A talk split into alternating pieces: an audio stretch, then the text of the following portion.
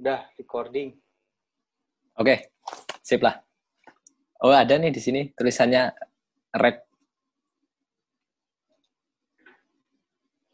Ya, yuk. Oke, kita mulai. Ya, halo pendengar. Kali ini aku lagi ngobrol sama masku. Dia namanya Mas Tiko. Dia adalah seorang dokter yang tinggal di Jakarta. Terakhir kali dia bekerja di Puskesmas Makassar ya, Mas? Ya, Kampung Makassar. Puskesmas Kampung Makassar. Dan Kecamatan- sekarang sedang gimana? Kecamatan Kampung Makassar. Ya, Kecamatan Makassar ya, sama aja. Di Jakarta. Bukan Makassar, Puskesmas Sulawesi itu. Kecamatan Kampung Makassar di Iya. Jakarta. Oke, dan sekarang dia sedang PPDS PPDS kulit ya Mas ya. Belum, mau ujian beda kuliah. Oh, berarti belum tuh ya. Belum, baru supaya bisa diterima. Itu saya resign gitu. Oh, supaya Ah. bisa diterima harus resign dari puskesmas Iya. yang sekarang. Ya, Oke. yang kemarin. Tapi kayaknya kemarin waktu aku dengerin podcast Mas, itu udah proses PPDS itu ya? Magang. Oh, magang. Itu Ah, apalagi jadi- tuh Mas? Urutannya berarti gimana? Jadi, biasanya kalau pendidikan dokter spesialis itu tidak bisa uh, ujuk-ujuk langsung ujian diterima gitu. Oke. Ada prosesnya. Biasanya kita tuh harus PDKT, harus cari muka di dokter yang udah pernah spesialis sebelumnya, minta rekomendasi, minta surat pulang, nah gitu-gitu.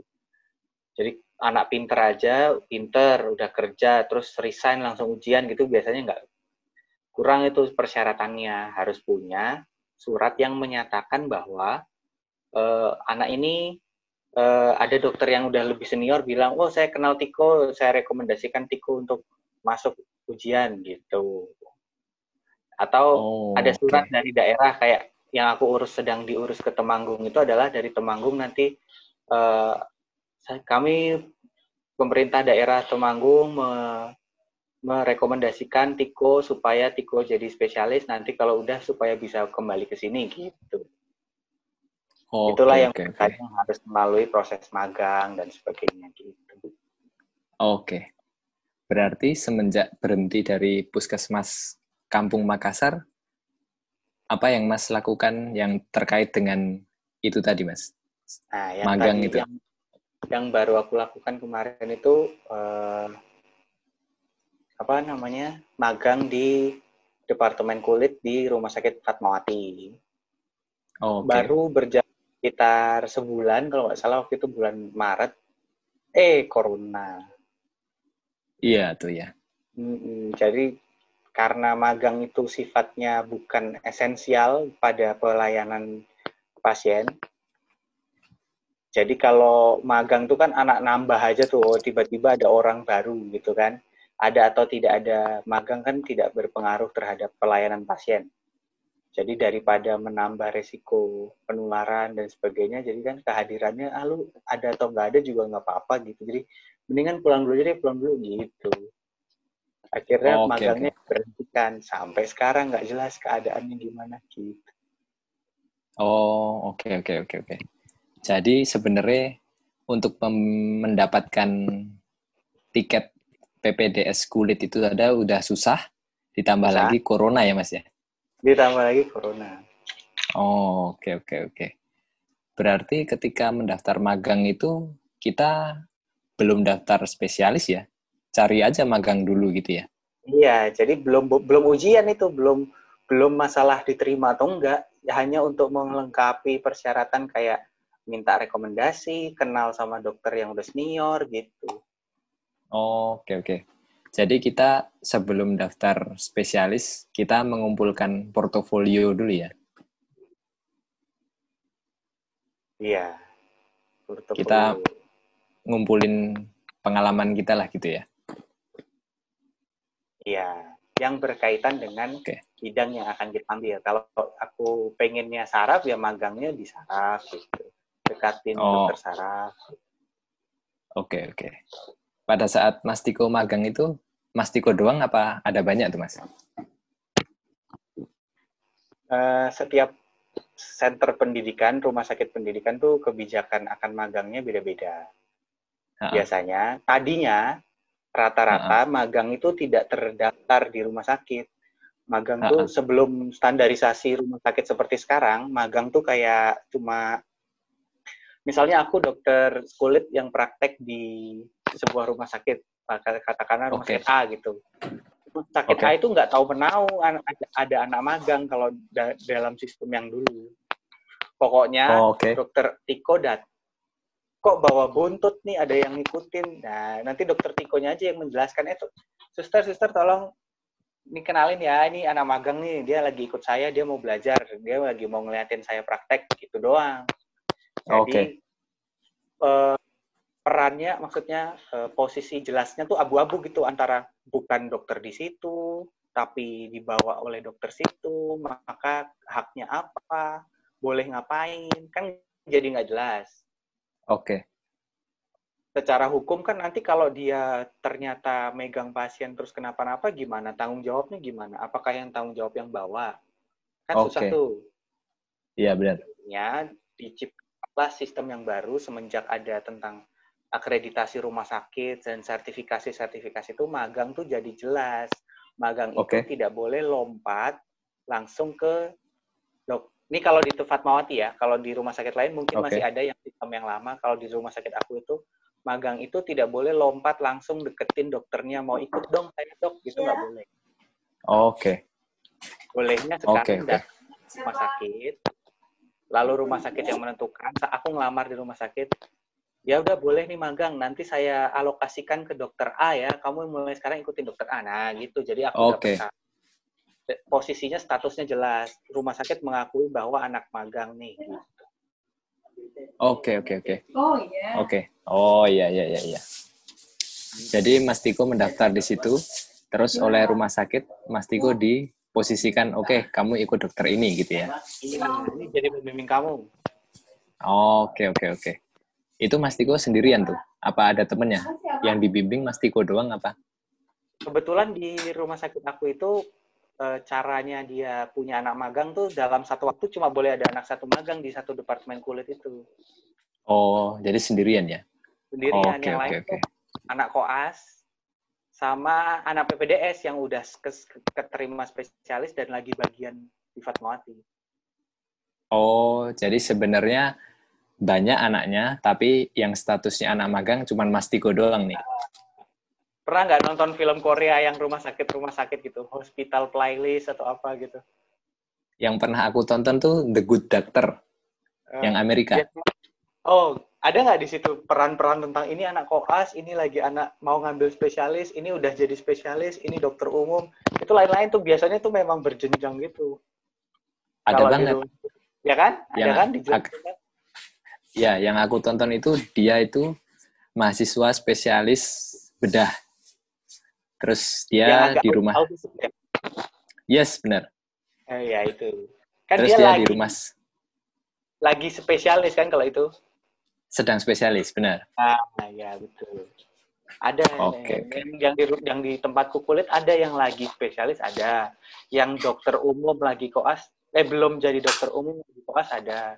Dan aku dokter umum lagi mau spesialis tapi belum nah itu aku. Oke. Nah, ini walaupun cuman sebulan tapi Mas Tiko berarti mengalami ada di sana langsung kan ya? Ada ada di sana langsung. Nah, sebagai anak magang, kewajiban Mas Tiko, tugas Mas Tiko ngapain aja tuh? Sebagai anak magang tuh magang tuh paling nggak jelas. Paling Oh, kalau kemarin pengalaman aku di departemen kulit itu ya magang yang paling harus mandiri gitu entah ya lu mau belajar apa kan udah jadi dokter gitu kalau anak koas malah diomel-omelin tuh ayo deh kamu harus periksa ini ini pasien apa nih ditanya-tanya ini diagnosanya apa coba deskripsikan eh, lukanya seperti apa apa deskripsikan eh, penyakit kulit ini seperti apa gitu. Oh iya dok, ada bentuk ini, bentuk ini. Oh salah ya. Kalau anak koas kan malah ditanya. kalau anak yang lagi spesialis malah udah jadi dokter beneran kan, jadi dikasih pasien beneran. Nih buat kamu ya, kerjain gitu. Nah kalau aku ya nonton doang ya kayak ngeliatin aja, oh gitu, oh gitu, oh gitu gitu. Tergantung aku mau ngeliat apa gitu. Jadi oh.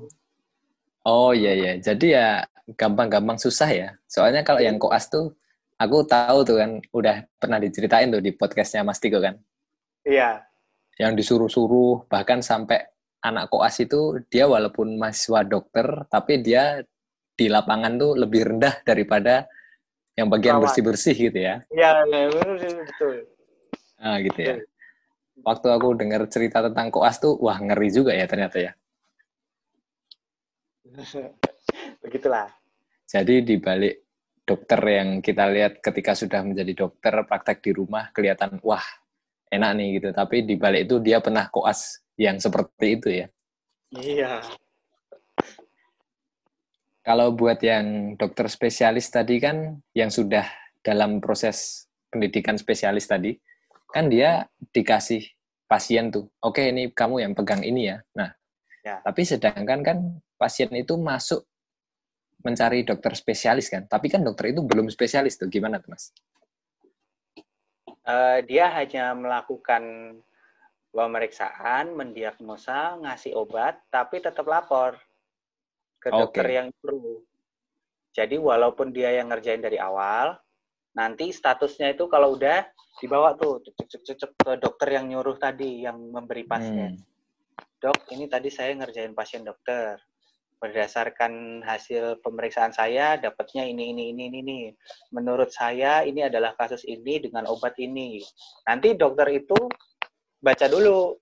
Wah yakin kamu kamu kasih itu. Emang kamu tadi meriksa apa? Gimana coba cara meriksanya misalnya gitu.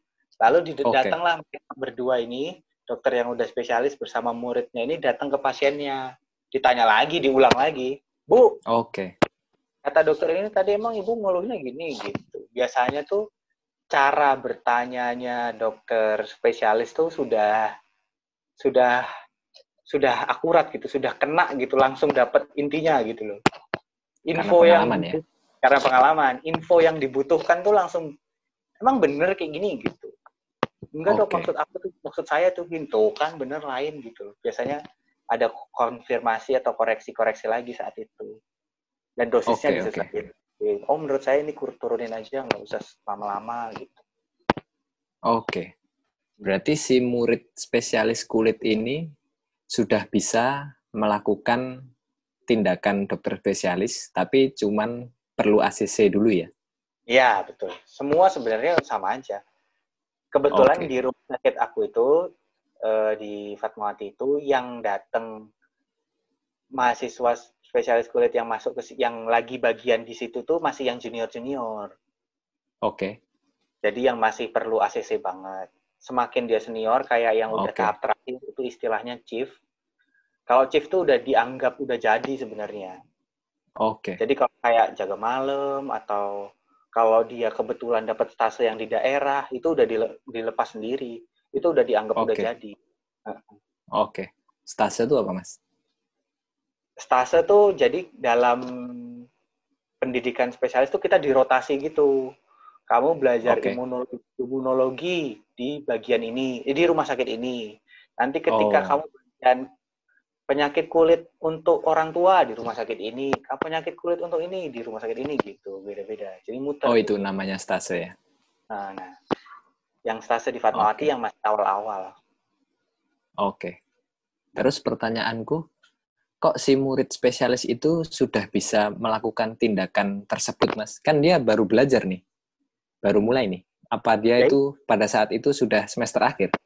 Enggak, justru padahal masih awal-awal. Ya itu tuntutannya ya. Kita ketika nyemplung itu ya harus udah tahu, harus udah jadi, udah sebenarnya secara ilmu, keilmuan, harus udah menguasai semua. Oh. Hanya secara Berarti... pengalaman aja yang harus dikoreksi gitu. Tapi secara oh. keilmuan nggak boleh salah, ya udah harus tahu kamu gitu. Gak bisa saya jawab, misalnya dapat pasien terus jawab, aduh dok, mohon maaf kamu belum baca nih, nggak tahu ini apa, ya nggak boleh. Oh, bentar-bentar. Berarti ketika kita masuk pendidikan dokter spesialis kulit itu, kita sudah mengerti tentang kulit. Iya, ya itu kan baca. Kalau baca tuh harus sudah baca. Oh. Jadi misalnya Soalnya kan- masuk nih, kan muter nih bagian. Misalnya kan ada kulit bagian kulit alergi, kulit infeksi, kulit anak, kulit lansia, estetika gitu misalnya kan bagian-bagian kecilnya tuh. Oke. Kulit keganasan, kanker dan sebagainya. Nah, misalnya kita Oke. baru rotasi minggu lalu baru selesai kulit anak gitu misalnya. Oke. Minggu depan nih baru eh, hari Senin nih aku datang ucuk-ucuk nih hari Senin masuk wah ini bagian baru nih stase baru Oke. Oke. kulit keganasan onkologi kulit Oke. Mas, mas. Aku dapat pasien apa harus sudah tahu. Apa maksudnya udah bisa. Oh. Yang kita pelajari itu tentang gimana sih biasanya diapainnya tuh gimana. Maksudnya dari buku bedanya dengan di aplikasinya apa. Oke, oke, oke, oke. Yang secara Oh. habitual gitu, yang secara tradisi, yang secara oh enaknya gini kalau pengalaman tuh gini, ngelihatnya tuh gini, cara meriksanya tuh ini. Tapi harus udah tahu. Oh. Hmm. Oh iya iya. Berarti beda ya. Kalau misal aku nih, kan aku kan S1 aku belajar nih tentang computer science. Nah, Computer science itu secara dasarnya tuh kayak gini nih. Itu. Ya. Segini.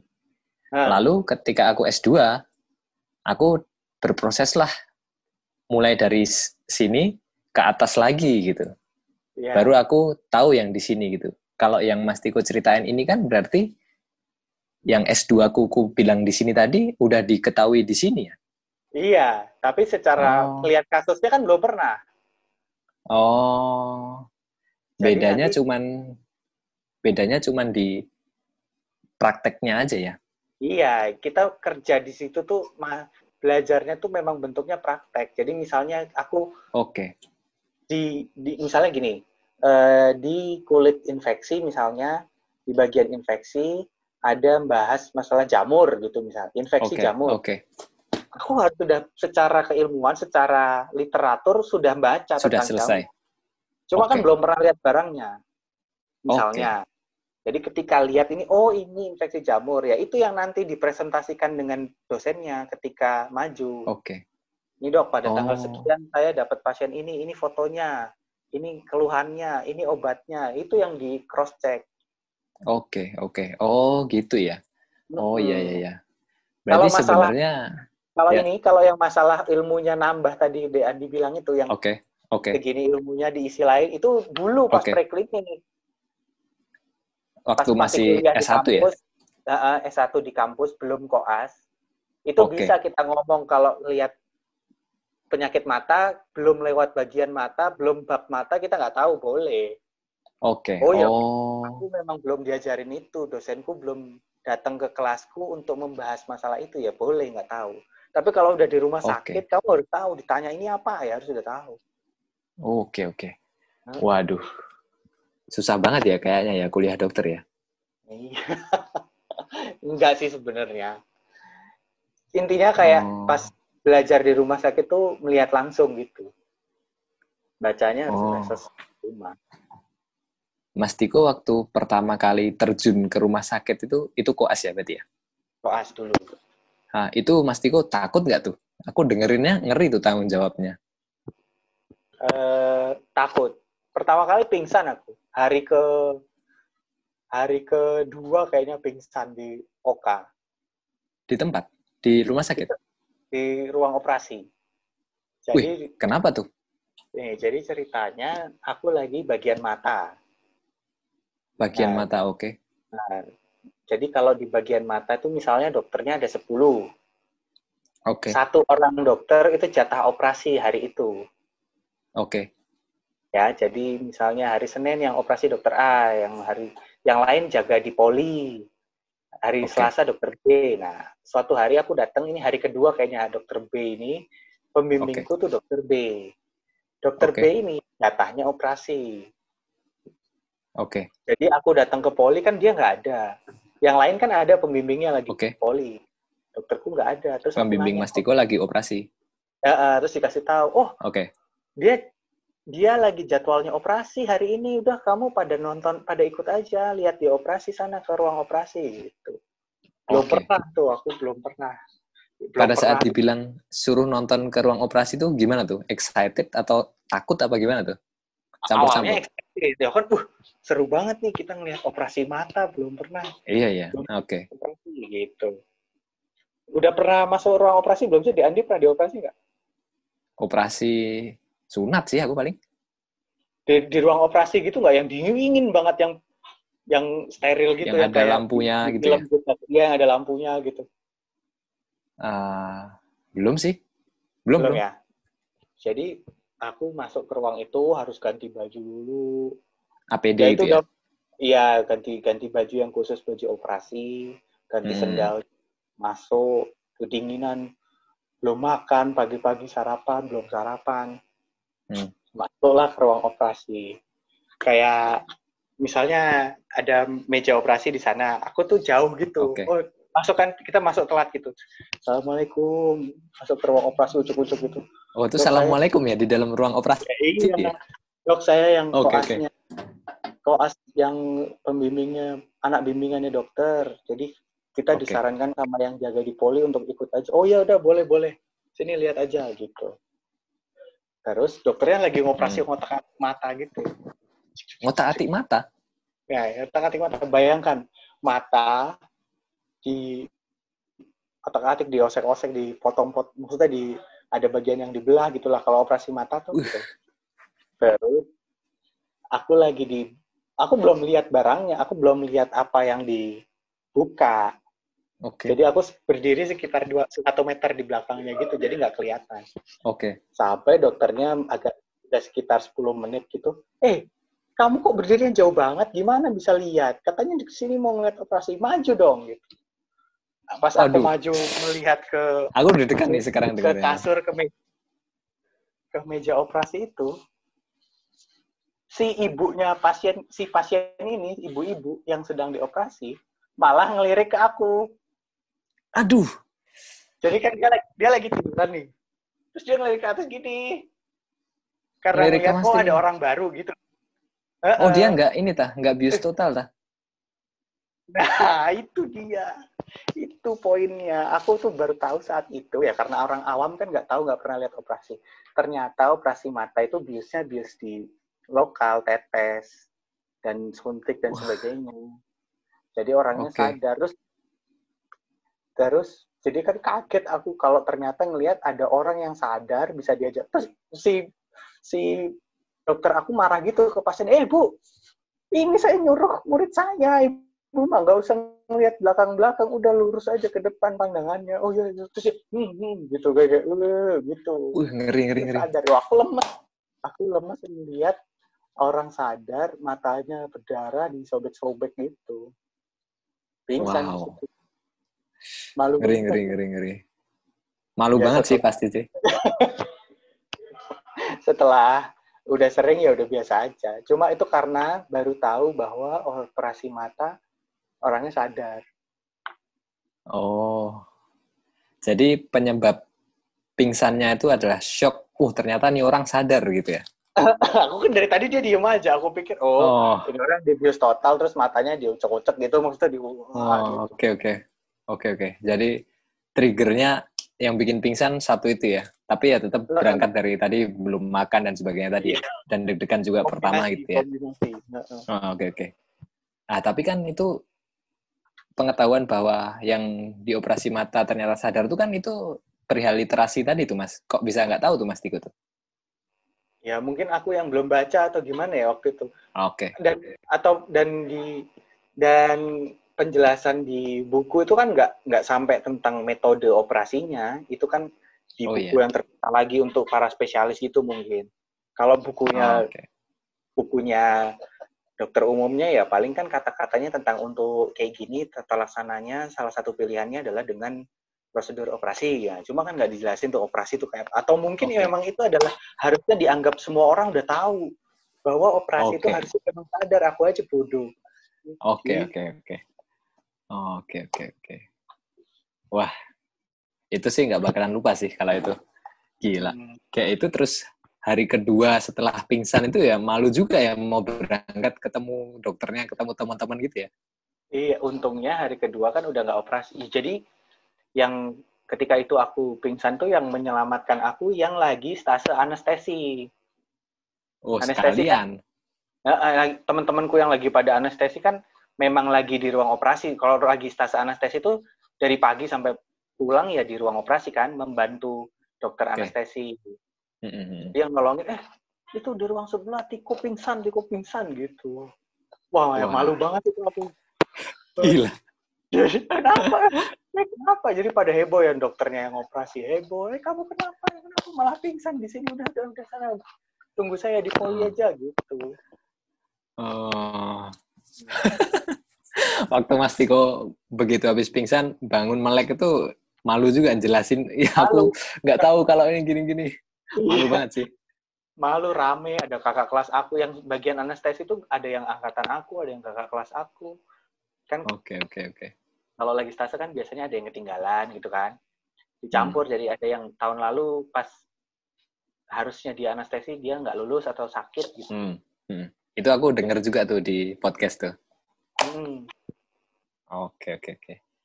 Waktu periode Mas Tiko yang itu, kasus Mas Tiko itu termasuk paling memalukan atau teman-teman Mas Tiko lebih parah? Kalau masalah memalukan, wah banyak yang lebih memalukan. Oh, banyak ya? Banyak. Ada temanku, ada ada kisah memalukan lagi. Mau aku ceritain? Mau dong, mau dong. Oh iya iya. Eh, kita kalau datang ke suatu Ambilin minum di gelas dong. Oke, Mas. kita kalau datang ke suatu bagian di minggu baru gitu, misalnya kan dalam satu stase itu empat minggu. Oke, Tapi Seninnya yang berikutnya itu kan udah ke bagian baru. oke. Ke bagian baru itu kita kan nggak tahu apa-apa, nggak tahu tempatnya, nggak tahu ruang tunggunya, nggak tahu harus ngapain dulu. Biasanya ada buku Oke. operan kayak ada Hmm. buku operan. Jadi buku operan itu adalah buku yang diisi oleh temennya yang sebelumnya di bagian itu kan. Oke. Nanti kamu kalau lagi di bagian ini dokter A sukanya kalau lagi ngajar harus ada buah vita gitu misal. Dokter Oke. B kalau ngajar harus ada roti boy gitu. Kita harus nyiapin itu. Kalau ujian sama dokter ini pulpennya harus biru gitu misalnya. Hmm. Nah, di operan kan tapi nggak ada mukanya kan? Maksudnya kayak ya ruangannya yang mana nggak tahu, bentuknya kayak apa nggak tahu. Hmm. Temanku datang ke sebu ke stase baru, stase THT kalau nggak salah. Hmm. Stase THT. Udah berkelompok kan, saat berenam orang ini datang, terus duduk aja gitu di ruangnya THT. Terus Oke. masih pagi-pagi buta gitu kan, karena kalau koas kan harus datang duluan. Pagi-pagi tuh ada satu orang yang lewat gitu, orangnya kurus, kecil. Terus nanya, eh, Mas, Mas maaf mau nanya, gitu. Iya kenapa? "Eh, kami koas THT yang baru, eh, kat- hari ini katanya jadwal kan cuma dapat jadwal kan. Jadwal pertama Hmm. akan ada pembukaan oleh dokter ini. Kita nunggu di mana ya, Mas? Oh, udah nggak apa-apa, duduk sini aja. Oh, iya iya iya. Gitu. Baik, makasih Mas gitu. Iya, terus sudah mereka duduk. Ditunggu itu kan pagi. Biasanya mulai kegiatan itu kan jam 7 gitu. Dia biasanya udah kalau koas tuh di jam 6 gitu udah datang. Oke. Pas jam 7 ternyata Mas yang tadi itu yang pembukaan. Jadi sambutan. Dikira Nah. OB pagi-pagi kita tanya, "Eh, Mas, saya koas Ternyata itu orangnya. itu orangnya, itu kepala departemennya." Ya itu tadi sih, karena nggak ada fotonya. Iya, ini ada apa nih, Dek? Running out Apaan? of time. We've removed the 40 minute time limit on your group meeting. Gimana? Oh, ada limitnya. Tapi nggak apa-apa, bisa. Bisa, aman. Aman. Oke. Tapi kalau menurutku yang barusan Mas Tiko ceritain sih, lebih memalukan Mas Tiko sih daripada yang ini. Tapi tapi ini tuh sebelumnya udah pada ngomong gitu, eh, lu dong nanya, lu dong. Eh, ini siapa? Ya, tuh Ah, OB paling OB. Jadi ada dokter yang ketika belum mulai tuh ya ya nggak kelihatan dokter, ya kurus, bajunya Iya, iya, kegedean iya. gitu. Kita ngeliatnya kiranya ya penata atau siapa yang di suruh-suruh yeah. ngambil status tuh loh yang kalau pagi-pagi yeah. ngambil status itu kan kayak gitu bentuknya lu tanya aja yeah. ya udah ternyata dia tapi tetap tapi tetap lebih memalukan Mas Tiko sih soalnya kalau yang ini nih yang ini kan wajar dia salah ya karena nggak ada fotonya itu tadi ya terus hmm. dia nanya orang ya ya nanya orang karena dia nggak tahu gitu kan ya ini masuk akal gitu loh tapi kalau yang Mas Tiko ini kamu dokter masuk ruang operasi pingsan gitu. Gimana Anda gitu kan. Oke oke iya, iya. mantap mantap mantap. Nah, terus ini nih, agak mundur dikit nih. Uh, urgensinya apa sih, Mas? Kok Mas Tiko harus ngambil spesialis? Kenapa nggak sampai selesai di puskesmas aja? Uh, apa ya? prospek sepertinya ya. Maksudnya kayak uh, jenjangnya sebagai dokter uh, nggak aku nggak bilang bahwa dokter spesialis tuh nanti berhenti di sini gitu ya. Enggak, tapi kalau dokter spesialis tuh ya gini, uh, akan lebih luas kesempatannya untuk maju berkembang lagi gitu. Hmm. Jadi nomor satu ya sebenarnya ya tidak muluk-muluk masalah kepuasan diri yang tentang pengen sekolah, pengen punya kualitas hidup yang lebih baik, gajinya dan sebagainya itu akan naik level gitu ya? Naik level lah, naik levelnya itu dengan jadi dokter spesialis nomor satu. Nomor dua, bukan berarti dokter umum nggak bisa bisa, tapi uh, jenjangnya akan lebih jelas secara apa kualitas hidup, apa kita punya ilmu yang lebih luas gitu lebih senang kita. Jadi ya itu sih sebenarnya pengen jadi dokter spesialis. Oh, tapi kok aku agak aneh tuh sama argumen punya ilmu lebih luas ya. Sedangkan kan gini nih, dokter umum itu pasien sakit apa pun bisa ke dia gitu. Ya, Sedangkan kalau Mas Tiko, uh -uh, kalau Mas Tiko jadi dokter kulit, kalau orang batuk nggak mungkin periksa ke Mas Tiko tuh, gimana tuh? Mungkin kalimatnya yang bukan lebih luas ya, lebih apa dong, lebih dalam, lebih lebih uh, gimana menjelaskannya? Lebih jauh, menjangkau hmm. yang lebih jauh gitu loh. Dengan lebih... kita dengan kita dengan aku jadi spesialis itu membuka okay. uh, eh, itu baru gitu. Oh, aku belum pernah belajar tentang ini atau dulu aku lemah. Misalnya kulit nih, aku aku tuh lemah banget di kulit tadinya. Makanya okay. aku pengen kulit itu salah satunya karena lemah banget. Karena okay. aku sepayah itu dalam kulit. Jadi gini, kulit itu aku dulu nih, aku jujur aja. Di puskesmas kalau aku kerja, diagnosis kulit itu kan yes. banyak sekali. Ya kan? Sakit Banyak paru. orang sakit kulit ya? Iya, yang di Andi waktu itu putih itu. Iya, iya. Yang yeah. kita bingung antara itu vitiligo atau yeah. pityriasis versicolor itu ini jamur atau vitiligo. Vitiligo itu penyakit bawaan kan, maksudnya genetik tuh dia kayak, oh udah putih gitu. Uh, uh, uh, uh, di Andi difonisnya itu kan, oh ini mah vitiligo nih. Terus nggak taunya jamur, pakai obat jamur kan akhirnya hilang gitu.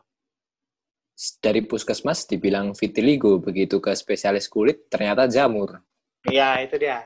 Nah, itu. Nah, kayak eh, dulu di puskesmas aku nggak bisa mendiagnosa. Jadi misalnya penyakit jamur, jamur pun kan jamur pun kan ada macam-macam.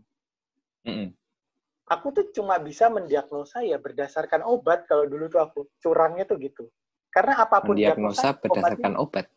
Ya obatnya di puskesmas cuma ada empat. Obat A, B, C, D. Ada empat. Iya obat kulitnya misalnya salep. Oh oke okay, oke okay. oke. Okay. Salep tuh cuma ada empat. Jadi aku okay. mendiagnosa tuh berdasarkan obat. Oh, ini penyakit obat A. Oh, ini penyakit obat B. Penyakit apa apakah ini penyakit yang dikasih antibiotik, anti jamur, uh, satu lagi uh, anti radang, Oke. Okay. Antivirus gitu misal. Oke, okay, oke, okay, oke. Okay, okay. Oh, jadi aku apa pun penyakit virusnya ya obatnya antivirus. Apa pun penyakit infeksinya ya ini obatnya antibakteri. Oh, obat oh. apa pun jamurnya obatnya di jamur. Jadi nggak tahu padahal tuh luas sekali. Nggak semua okay. bisa diterapkan itu misalnya ya.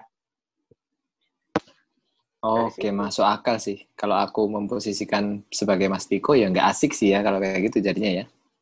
Iya, dan itu kan cara mudah aja, cara ngakali. Iya, kalau wong Jawa istilahnya coro bodon ya.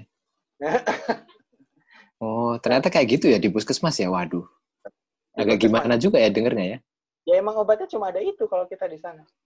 Oh, oke okay, oke. Okay, Jadi okay. percuma kita mau mendiagnosa, oh ini ternyata gangguan bla bla bla bla bla bla bla berbeda dengan ini ini tapi obatnya sama nggak? Sama. Ya udah hasilnya sama. Kamu ngapain? Nggak perlu tuh info yang tidak perlu gitu. Kalau di puskesmas itu harus sangat sangat me, me, oh ini yang nggak perlu ya usah dipikirin gitu. Oh oke okay, oke okay, oke. Okay. oh ya jadi kalau penjelasan yang ini masuk akal banget sih di aku. Kenapa Mas Tiko jadi perlu menuju ke spesialis sih? Jelas iya. sih. Oke oke oke oke Hmm, oke, okay. apalagi ya? Apa? Anu deh, uh, ini nih ke podcast. Oh ya. Nah, ke podcast. Karena ini dari tadi udah keilmuan banget nih, sepaneng ya. banget ini, berat-berat. Eh santai-santai habis ini. Ah, ini kita podcast ini. Jadi Mas Tiko ini punya podcast yang namanya Diagnosa Empat Sejawat lagi-lagi itu dokter semua lagi. Ya. Jadi kita mau santai-santai tapi nanti ujung-ujungnya dokter juga nih omongannya nih. Gak usah dibahas kedokteran-kedokterannya.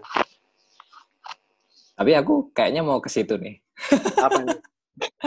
Coba apa? It, itu keempat-empatnya, aku masih apal nih namanya. Yang oh. satu tuh Majid, iya. kemudian Bill, Bill, kemudian Akbar. Akbar. Akbar. Itu ketiga-tiganya semua sedang aktif sebagai dokter semua ya? Iya. Yang Bukan satu... sedang sekolah kayak Mas Tiko ya? Oh, yang satu sekolah, yang Majid sekolah. Majid tuh sedang sedang magang juga, tapi di jantung. Oke. Okay. Magang di? Jantung di UGM.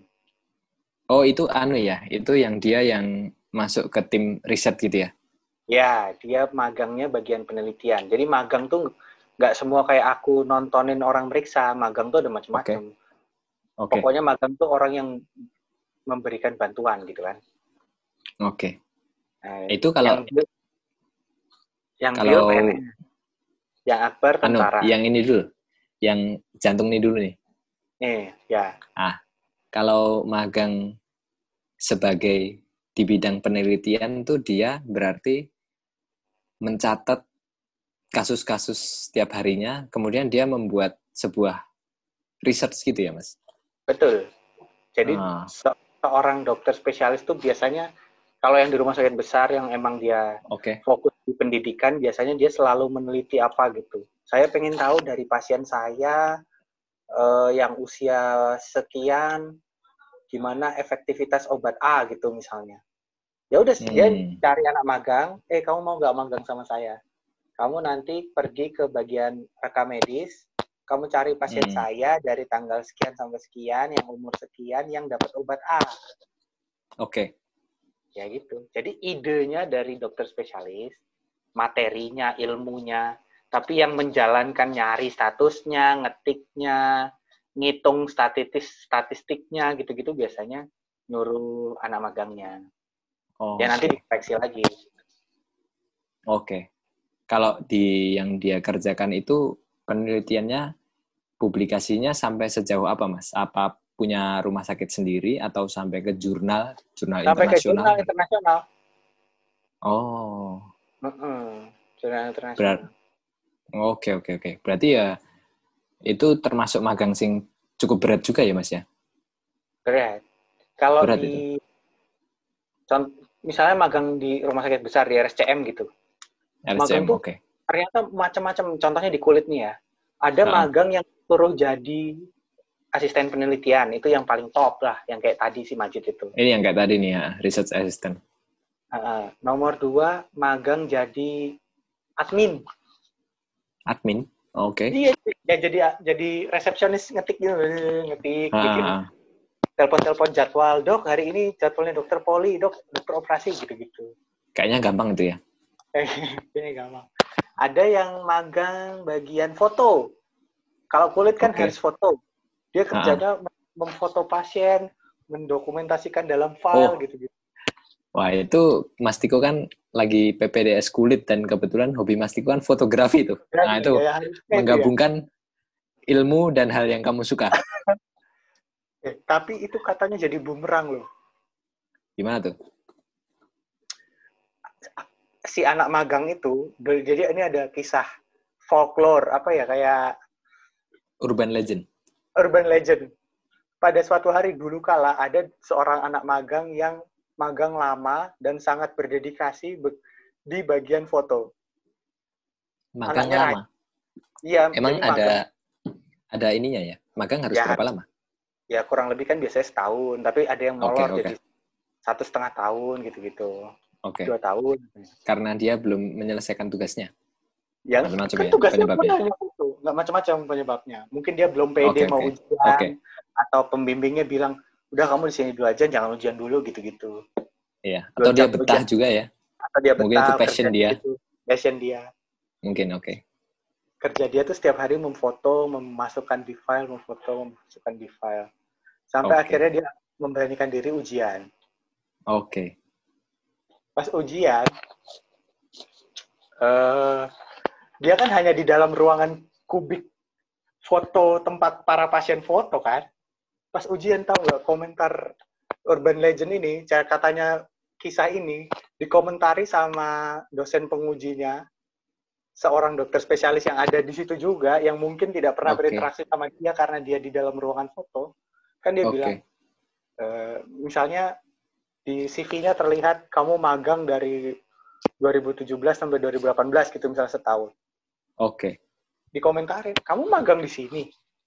Nah, kamu tuh pasti nggak rajin ya. Kamu anak magang tapi saya nggak pernah lihat kamu. Gimana? Katanya anak magang, kamu nggak pernah inisiatif buat ngapa-ngapain gitu. Coba Loh. bayangkan. Padahal dia Emang udah betul. moto-moto itu. Terus dia harus berkreasi gimana? Masa tiba-tiba dia foto artsy landscape atau bikin siluet-siluet supaya dia Oh, berseru- ini- lebih. Ini tipe-tipe dosen pembimbing yang sulit aja ya pokoknya ya. Iya. Jadi oke. itu adalah magang yang jadi bumerang. Magangnya ada Hmm. terus, enak, rajin, tapi karena di bagian yang tidak seksi, bagian yang tidak terlihat, yang kayak Hmm. aktivitasnya itu, jadi seakan-akan menggambarkan anaknya males gitu. Ya padahal Hmm, ya kerja saya moto, terus saya harus gimana? Masa Hmm. saya masukin ke majalah, saya kirim gitu. Oke. Tapi kalau yang untuk ini anak yang magang di kulit tugasnya ngefoto tuh dia bener-bener foto masukin, foto masukin gitu doang. Ya nanti kan biasanya eh, dia kan mengkoordinir di komputer dia. Oke, di oke. komputer bagian dia nanti Oke. itu kan ada kasus gitu kayak misalnya kayak tadi risetnya eh saya anak magangnya oke, dokter oke. A Oke, oke.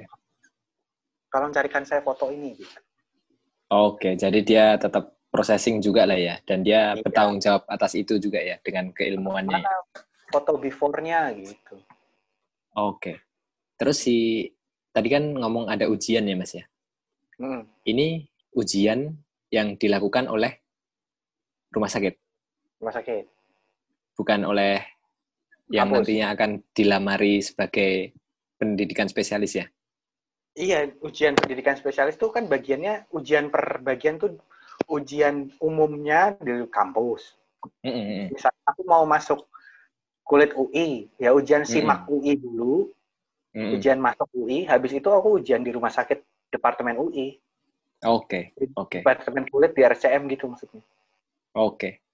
Dan soal untuk anak yang magang sebagai peneliti ataupun tukang foto akan beda soalnya. Sama, Oh sama. sama. Itulah makanya kenapa magang paling enak tuh di RSCM ya karena kamu bakal ujian di RSCM gitu. Jadi udah kenal, Oke. oh kamu ya yang bantuin saya sama ini gitu. Oke, oke, oke, oke, oke, oke. Oh, berarti anu ya. Kalau kita balik lagi ke teman Mas Tiko yang magangnya sebagai peneliti dan membuat jurnal, Hmm. wah dia belum sekolah aja. Jadi dia harus selesaikan jurnal supaya dia bisa sekolah lagi ya. Iya, jadi nanti itu akan jadi nilai plusnya dia.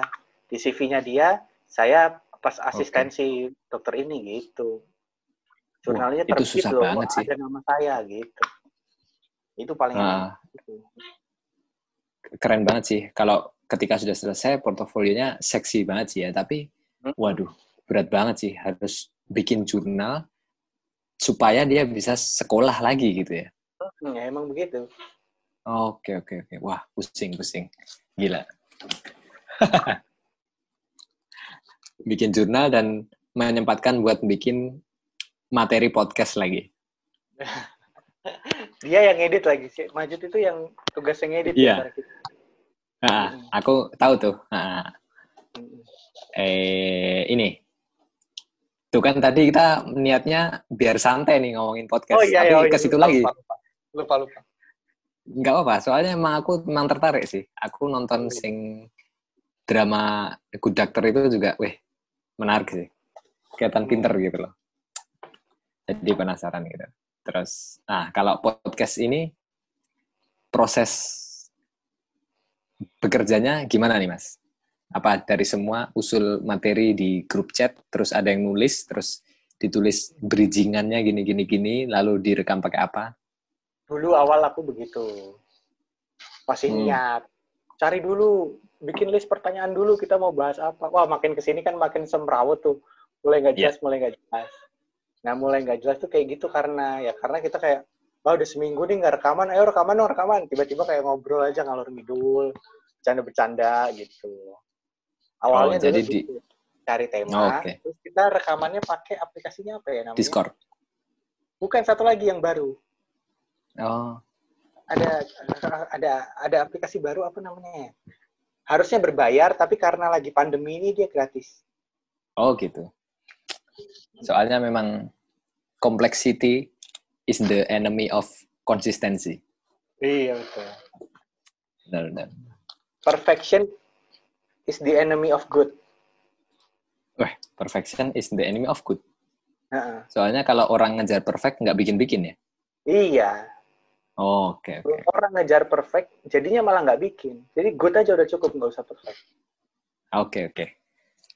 Nah, aku melihat Mas Tiko di podcast Diagnosa 4 Sejawat ini, Mas Tiko adalah Berperan. seorang critical thinker juga ya sebenarnya ya? Iya, enggak itu sebenarnya sudah di setting aku disuruh yang begitu. Rata-rata enggak sih gitu juga ya. Emang aku begitu dan rata-rata ketika ketika bagi-bagi tugas tuh, oh gue sebenarnya setuju sih, tapi gue kayaknya nggak berani deh ngomong gitu, udah lu aja gitu. Jadi aku yang dianggap paling liberal gitu terus.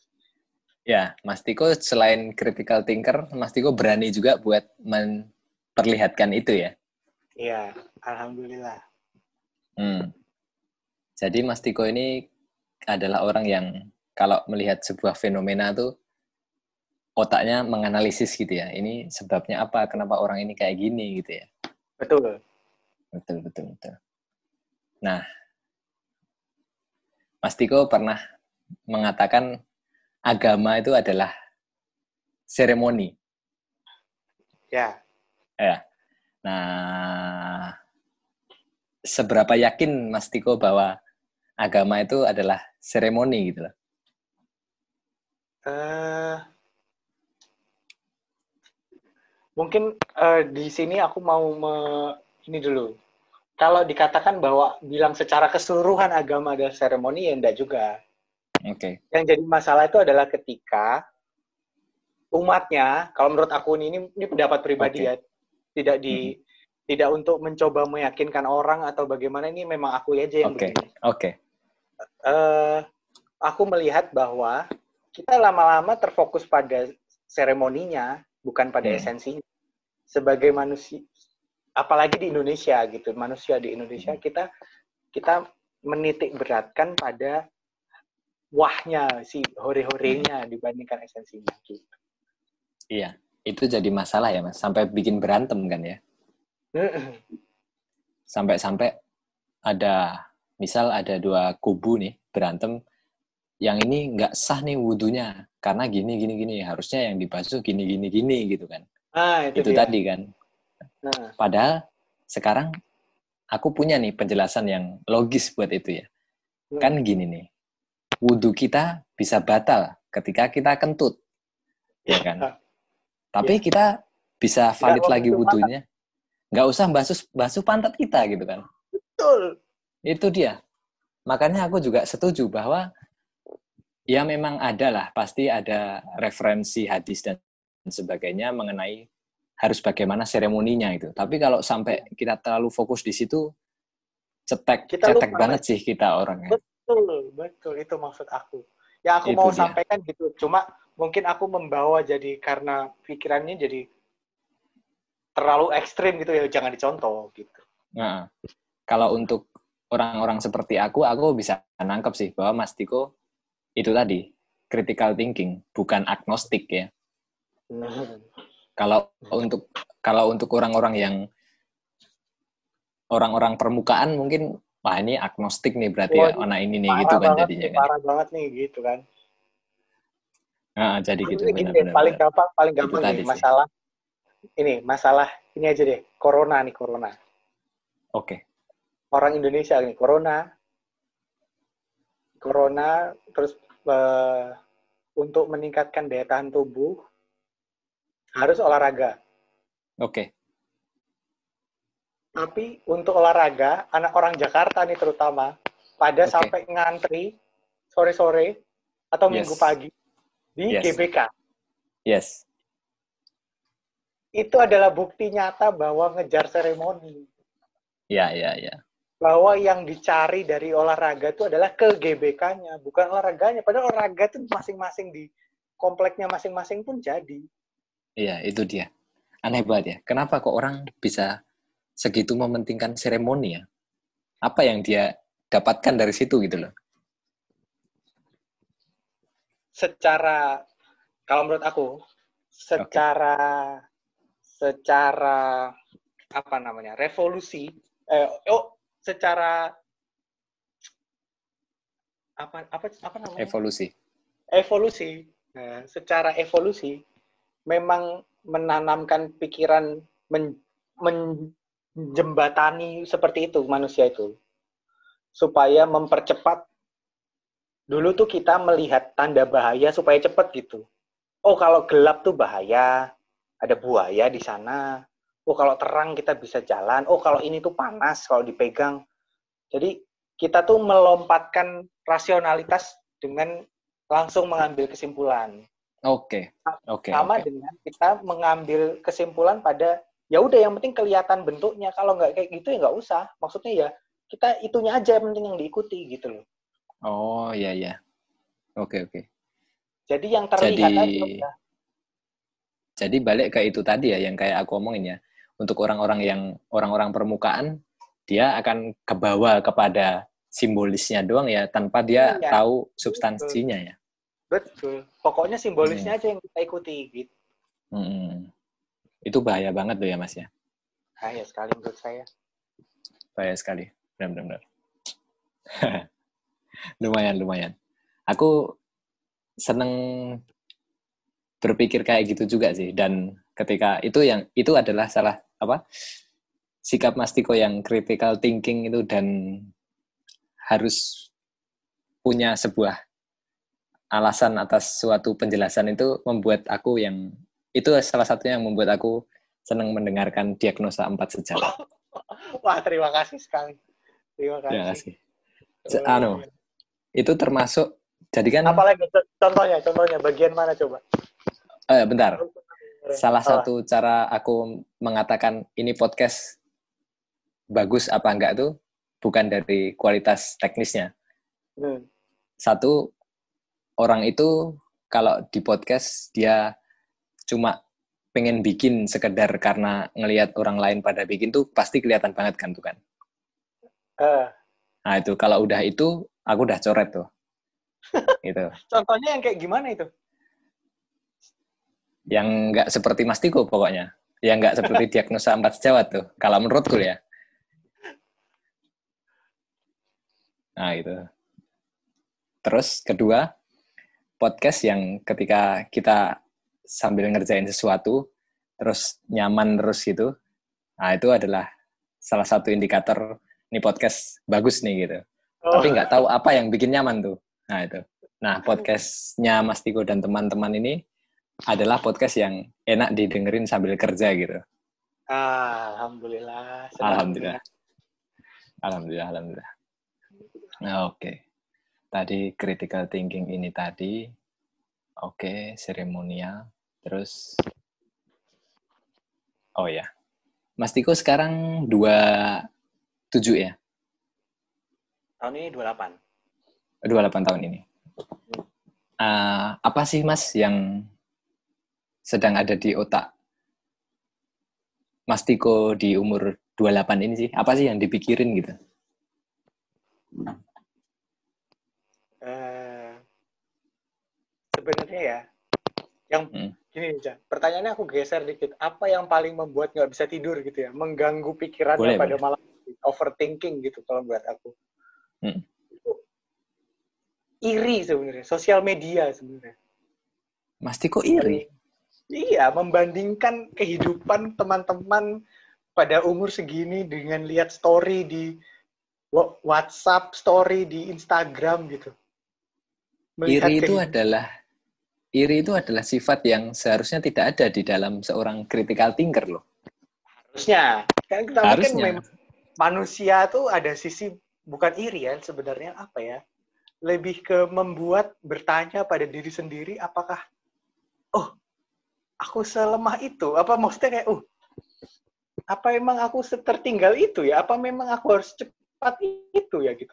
Orang tuh udah Hmm. pada ngepost story-nya isinya anaknya semua wah anaknya Hmm. anaknya anaknya anaknya. Wah atau ya eh, apa dengan kesuksesannya? Wah sekarang pembicara di mana? Diundang sebagai apa gitu dengan umur seaku tuh. Oh, sementara oke, oke. itu magang eh, belum menikah masih mau sekolah. Ada rasa ada rasa kadang yang membuat berkecil hati seperti itu. Oh apa ya? Apa ya apa ya karena aku bodoh apa karena apa aku apa gitu apa yang kurang gitu Hmm. Mas Tiko merasanya ini dua ya. Pertama, apakah Mas Tiko merasa A, apa aku ini salah ya? Apa yang benar kayak gitu ya? Itu A. Atau Mas Tiko B, wah aku salah nih aku kayak gini. Harusnya kayak dia tuh, dia pasti lebih enak tuh. Yang mana tuh Mas? ya akhirnya mempertanyakan apakah ada dulu keputusan. Mungkin kalau dulu aku nggak gini aku udah seperti mereka ya gitu loh. Ada rasa oh apakah itu yang gue cari juga? Ada pertanyaan gitu juga. Apakah aku akan lebih bahagia ya kalau aku di posisi dia aku punya anak kayak gitu gitu. Apa Hmm. emang aku harus mengejar itu gitu Hmm, Oke, oke. yang akhirnya yang akhirnya sih sebenarnya dilalui dengan dengan dengan ya udah memang hidup tuh punya punya perangnya masing-masing kita tuh tidak sedang berlomba setiap Oke. hari itu Benar. kita bangun dengan dengan musuhnya masing-masing untuk kita kalahkan hari ini besok dengan musuhnya lagi yang setiap orang lain-lain yang membuat akhirnya majunya pun beda-beda tidak berarti pem- harus membandingkan satu dan yang lainnya. Akhirnya sih bisa berkesimpulan seperti itu. Tapi kalau lagi pada malam hari udah mau tidur kosong terus kita ngeliat HP lagi tiduran oh wah udah punya bayi. Wah ada tiga anaknya. Wah istrinya cantik lagi gitu-gitu loh. Oh, oke, oke, oke. jadi Oke, sekarang jadi tuh yang lagi- kalau sebenarnya kalau ditanya apa yang lagi dipikirkan adalah fase di mana mempertanyakan diri sendiri oke. eh, bahagianya mau apa sih mas gitu Mhm. Tapi sebenarnya Mas Tiko sudah mencapai pada menyimpulkan, oke kita nggak sedang berlomba, aku ya ini, kamu ya itu, semua orang punya Ya. jalan sendiri. Sebenarnya udah sampai situ ya. sudah sampai situ Hmm. Apakah menurut Mas Tiko, ketika Mas Tiko malam ketika kosong, ketika melihat kemudian jadi berpikir negatif kayak gitu lagi, apakah menurut Mas Tiko itu karena Mas Tiko kurang beriman terhadap Allah Subhanahu wa taala? Apa menurut Mas Tiko itu karena Mas Tiko jarang sholat? Apa gimana? Enggak. Atau enggak sama sekali? Enggak sama sekali. kalau menurut aku ya uh, apakah itu karena jarang sholat? Ya mungkin juga ya. Tapi aku tidak, tapi aku tidak merasa entah gimana ya.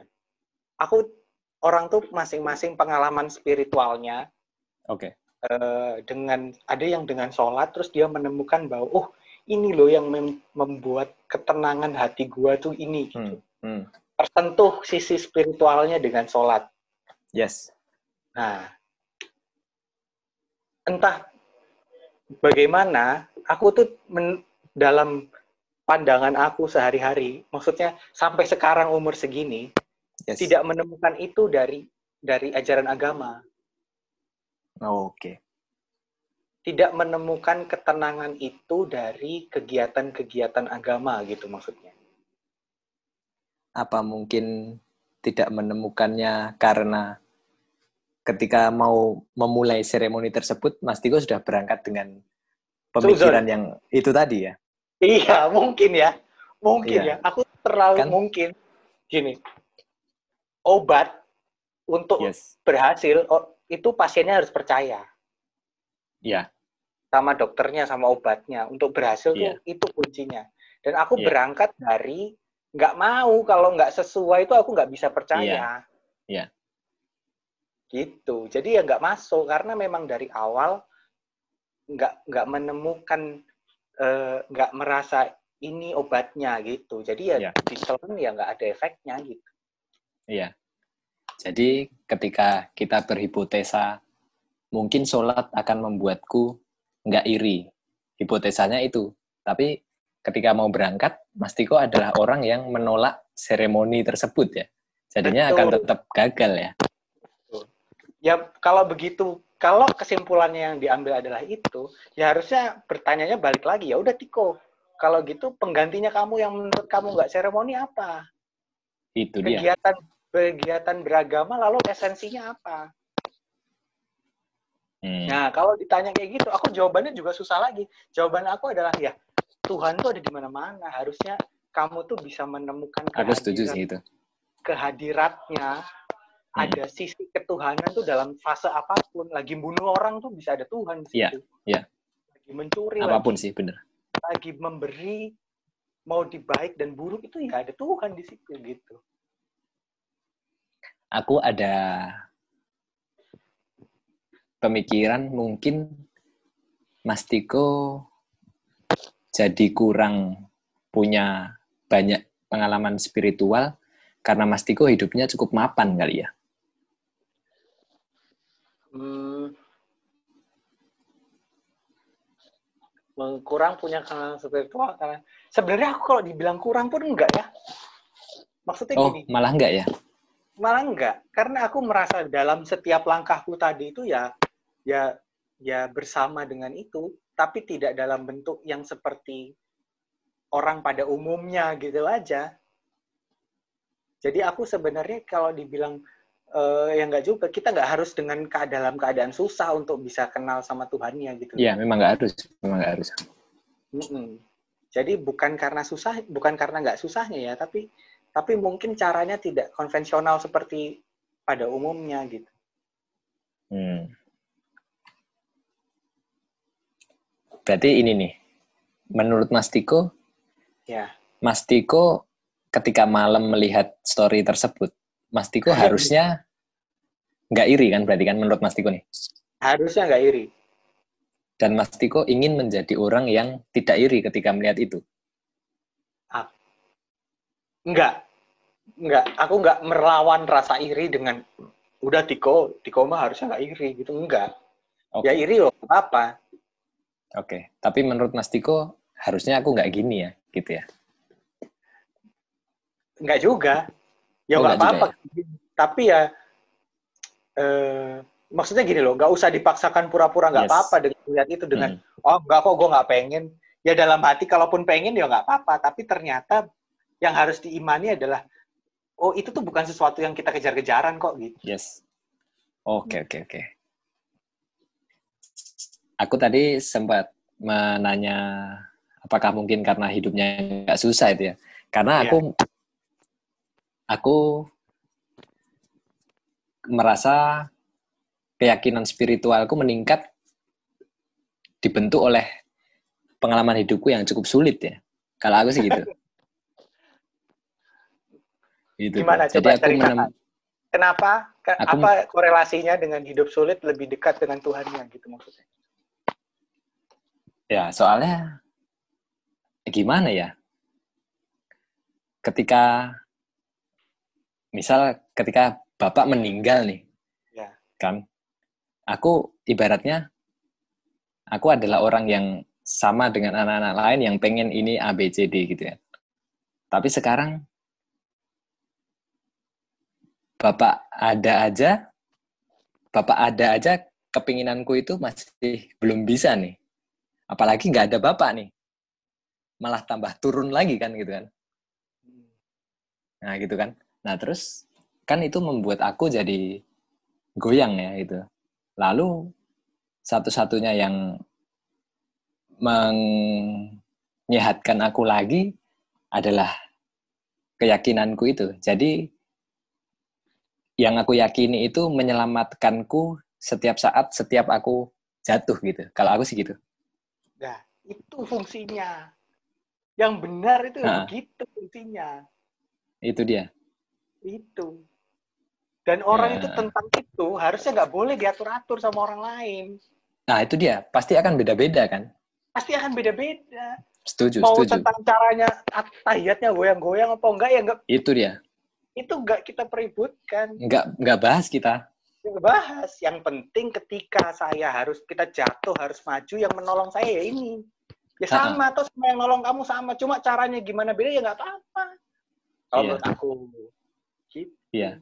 Aku aku sangat setuju bahwa pembentukan spiritual seorang orang pasti beda-beda. Makanya tadi aku juga bilang ketika Mas Tiko ngomong nggak harus susah itu, aku juga setuju sih. Untuk orang yang mapan-mapan aja, pasti akan tetap ada momen-momen itu kan ya? Iya, pasti ada. Momen di mana kita Makanya ya. oh ada, ada gini, kalau menurut aku ya, kalau orang yang agnostik dan ateis bener kan memang tidak percaya bahwa ada sebuah entitas yang lebih ya. hmm. tinggi kodratnya apa posisinya gitu. Kalau aku percaya hmm. bahwa ada, tapi ya. aku tidak tidak mau tidak belum belum bukan tidak mau belum bisa mengimani apa menggambarkan itu sosok seperti yang digambarkan di agama gitu. -hmm. Tapi aku tahu percaya tempat itu pulang ngadunya sama dia tahu aku. Iya. Dan aku juga tahunya tuh udah benar-benar bulat ya. Bulat, nggak mungkin nggak ada, nggak hmm. mungkin nggak nggak ada. Yeah. Menurut aku tahu yeah. bahwa ada, hmm. tapi nggak bisa aku kalau digambarkan dengan uh, seperti seakan-akan orang yang duduk di singgah sana yeah. ada di langit menentukan hmm. oh ini benar saya kasih hadiah, oh ini salah. Aku nggak percaya bahwa dia bekerja dengan cara seperti itu gitu. Ha, ha, ha. Wah, jadi seru sekali malam ini. Iya. Alhamdulillah. jadi untuk untuk untuk orang seperti kita berdua ya akan sangat iuh banget ya, akan sangat jijik banget ya ketika melihat seseorang marahin seseorang karena posisi postur sholatnya salah gitu loh. Iya. Aneh banget sih. Iya dan masih sering buat khutbah Jumat itu bahas tentang itu. Oh, beda satu huruf tuh nanti beda loh.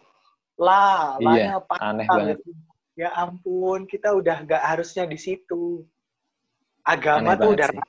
ranahnya tuh personal, udah nggak usah nggak usah dibahas-bahas di ruang publik gitu. Iya. Walaupun memang Walaupun memang misal kita Islam ya, walaupun memang Islam memang punya ritual gitu ya, tapi bukan ya. di situ. Iya. Gitu. mantap, mantap, mantap. Ini nanti tak uploadnya okay. gimana ya? Udah, yang penting sekarang udah kerekam lah, nanti gampang. Oh ya udah. Hmm. Ini kalau Mas Tiko bisa kirim ke aku, insya Allah nanti tayangnya dua mingguan lagi. Oh, iya, iya, iya. Oke. Okay. Minggu depan aku ada satu tuh, Insya Allah ada lagi tuh. Minggu Ini depan ada satu, habis itu. Mas Aku Tiko. malah belum pernah lihat channelnya Dani. YouTube. YouTube Apa namanya? Andito Saputro. Apa vlog? Isinya apa selama ini? Selama ini aku belanja di pasar, aku jelasin tentang beasiswa, aku jalan-jalan. Belum Oh. ada ngobrol. Oh iya iya iya. iya. Gimana deh tentang beasiswa Oke, itu oke. sebenarnya? Beasiswa tuh ya kayak kita kerja, Mas. Aku tuh sekarang posisinya seperti Majid itu, Mas. Jadi membantu penelitian. Iya. Terus dibayar gitu dah. Lalu sekolahnya udah selesai kan? Sekolahnya belum. Andi sekolahnya belum selesai. Belum lulus aku nih sebenarnya. Jadi Bukannya harusnya udah. Belum. Jadi kemarin itu kalau di Taiwan itu memang wisuda itu bisa dilakukan dengan tidak ada syarat lulus. Wisuda bisa dilakukan dengan tidak ada syarat lulus. Lulus bukan syarat wisuda. Eh, terus terus wisudanya nggak penting dong. Maksudnya boleh. Iya, Itu seremoninya. seremoni aja. ha-ha. Oh. Tapi kan karena aku udah tahu nih, aku lulusnya bentar lagi, ya aku ambil wisuda yang kemarin itu. Karena kalau aku ambil wisuda yang depan, aku udah keburu lulus, udah nggak di sini mungkin gitu jadinya. Oh. Jadi gitu. Kalau di Taiwan gitu.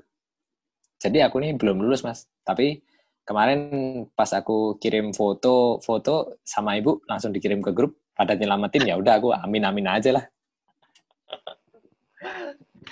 Terus daripada skripsi. Daripada tesis? ribet jelasin. Tesis tesis. Tesisnya bikin aplikasi Bikin game sendiri. sendiri. Oh. Game edukatif itu. Ya Hmm. Mantap mantap. begitulah. Kemarin ketika dikirim sebenarnya pengenku jangan di forward dulu udah dikirim pada nyelamatin kalau aku harus jelasin bla bla bla bla ah, ribet lah makasih makasih gitu aja udah Dek, ada itu, Dek. eh, film dokumenter baru di Netflix tentang sosial media gitu. Udah nonton belum? Di sana ada Netflix nggak? ini ya eh anu apa The Great Hack ya Bukan judulnya. Lupa. Pokoknya pokoknya para petinggi, mantan petinggi, mantan petinggi gitu, mantan petinggi Twitter, mantan petinggi Facebook diwawancara gitu tentang kejahatannya mereka. Wah, bagus sekali tuh. itu anu sih anu kan yang menjual belikan privacy usernya kan Jadi kalau yang di sini sih orang kalau di sini yang aku tonton katanya men- menjelaskan dengan bilang bahwa menjual data kepada penjual pada pembeli eh Mm-mm. menjual data kepada produsen apa pro pabrik itu itu terlalu mensimplifikasi kejahatannya. Sebenarnya jauh lebih iya lebih parah daripada itu. Kita itu dikontrol Iya. sebenarnya. Tindakan kita habis ini mau ngapain itu secara tidak sadar di- dikontrol, makanya bisa bikin mengganti membuat pemilu aja Iya. ngehack pemilu aja bisa gitu. iya Dan itu ada bagian psikologinya katanya ya, kalau di kalau di perusahaan aplikasi itu. psikologinya udah bukan manusia lagi sih kalau sekarang sih malahan Iya, mak maksudnya ada ada tim yang memang mengatur bagaimana AI ini supaya memikat membuat engagement orang makin buka terus, makin ada oh iya, banget iya, iya, ada banget gitu. itu banyak banget di sini lab yang tentang kayak gitu kayak gitu itu. Jadi dia benar kayak yang Mas Tiko bilang, bukan dia membaca oh orang ini gini, oh orang ini gini, udah bukan itu lagi. Udah di sekarang gimana caranya supaya orang ini ke sini gitu. Iya, oh ya ampun aku nonton itu serem banget kayak oh gila sampai Serem. kayak gitu. Jadi kata katanya AI itu punya gambaran tentang Tiko dalam otaknya AI. Jadi dia Nanti tuh bakal bisa memprediksi seperti apa? Iya, Tiko tuh kita mau kita tuntun dia supaya beli ini. Iya. Oh, supaya ngelihat ini. Oh, habis ini ngelihat iklan pomade. Habis ini ngelihat iklan Iya. kamera gitu. Iya. Bahkan udah gila. udah nggak kaget lagi ya ketika misal Mas Tiko di cafe, Mas Tiko main board game gitu kan. Kan sekarang sering tuh. Nah, HP ditaruh deh. Kita main yang analog nih. Main-main-main sambil Mas Tiko ngobrolin. Eh, kayaknya kamera ini nih bagus nih ya gitu. Tahu-tahu Mas Tiko buka IG iklannya itu. iya. Itu gimana? Berarti dia Iya. ngerekam. Kayaknya sih iya sih. Waduh. Makanya kalau kita lihat Mark Zuckerberg itu di salah satu wawancaranya kan laptopnya dia kameranya di plaster tuh sampean kan. Iya. Dia aja Hmm. ditutup langsung manual. Iya, benar-benar harus manual gitu. Tapi kalau aku melihatnya bener sih kalau perihal kita bakal dibentuk menjadi seperti apa tuh ngeri sih ya. Tapi kalau aku balik lagi karena kita bukan orang penting jadi kayaknya nggak terlalu ngefek ke kita sih. Oh iya. Keputusan kita nggak Iya kan tentang menuklir negara mana gitu ya. Iya. Iya juga Kita- sih sebenarnya. Ah, ah. jadi ketika aku berpikir ke sana-sana aku ngeri, tapi aku balik lagi siapa juga kita gitu. Kita kan butuh, ya paling kita ya jadi keluar duit buat kemakan iklannya dia aja ya. Iya, paling kalau sesuatu yang merugikan kita duit doang sih paling. Itu pun kalau ada duitnya. Iya, ah. Kita mau Jadi, ditunjukin di- iklan kamera kalau duitnya nggak ada juga nggak akan beli, toh? bener. Jadi di tengah kengerian AI yang sebesar ini pun karena kita kecil ya efek yang akan kita terima juga kecil lah. Iya iya. Sebenarnya kayak gitu udah ada deh di dunia kedokteran deh. Oh ya? Tahu nggak apa? Enggak. Apa tuh? Nanti aku kasih videonya. Yaitu bakteri di dalam usus. Bakteri di dalam usus tuh katanya ada penelitiannya bakteri di dalam usus tuh mengendalikan kita. Kita hari ini pengen, oh kok aku pengen donat ya. Itu ternyata setelah diteliti karena kebetulan bakteri di dalam ususnya De Andi sedang membutuhkan zat yang ada di dalam donat. Yang pernah didapatkan dia ketika hostnya dia makan donat. Itu dari mana tuh bakteri itu? Siapa yang bikin? Bakteri kan memang ada yang hidup di flora normal yang memang hidup di dalam usus. Bakteri itu kan ada, di usus Oke. itu kan ada bakterinya. Manusia itu bekerja Mhm. sama dengan bakteri untuk mencerna makanan, untuk Ya. pembusukan supaya jadi feses.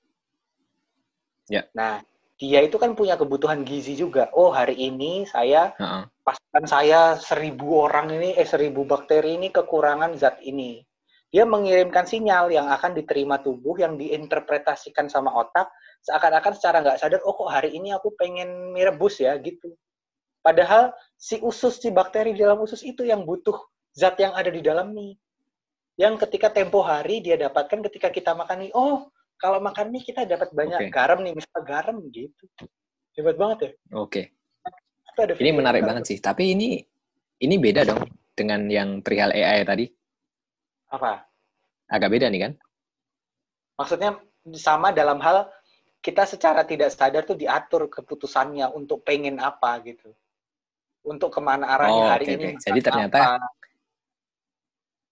Oke. Jadi ternyata Yang tadi- keputusannya bukan dari sini ya, tapi dari Iya. si orang itu ya. yang tadinya kita Oke. pikir, oh tiba-tiba pengen gorengan ya. Ternyata itu kita disuruh. Oh. Oh, itu menarik sih. Keren banget. Keren banget, keren banget. Keren banget. Jurnalnya pasti populer banget itu ya. Iya, pasti itu penelitiannya susah banget harus ngambil tai setiap orang. Oh, gitu ya. Iya kan, bakterinya ada yang ikut terbuang dalam tai. Bahkan Oh, katanya, Oke, oke. orang tuh bisa donor tai untuk menjadi seperti itu. Ulang, Jadi, ulang. Gimana tuh caranya? hipotesa jadi yang sudah terbukti kan baru bagian perilaku tadi tuh Oke. pengen-pengen. Hmm, yang tadi. Jadi hipotesa berikutnya adalah oh kalau hanya perilaku mungkin bisa bakteri mempengaruhi intelijensia. Jangan-jangan orang pinter itu karena bakterinya yang pinter. Jadi gitu hipotesanya lompat. Oke. Maka kalau kita supaya pinter kita cangkok tai. Tainya Einstein misalnya kita ambil masukin perut kita. Mungkinkah kita Hmm. jadi pinter? Gitu. Hipotesanya jadi gitu. Oh. Tapi belum ada kesimpulannya.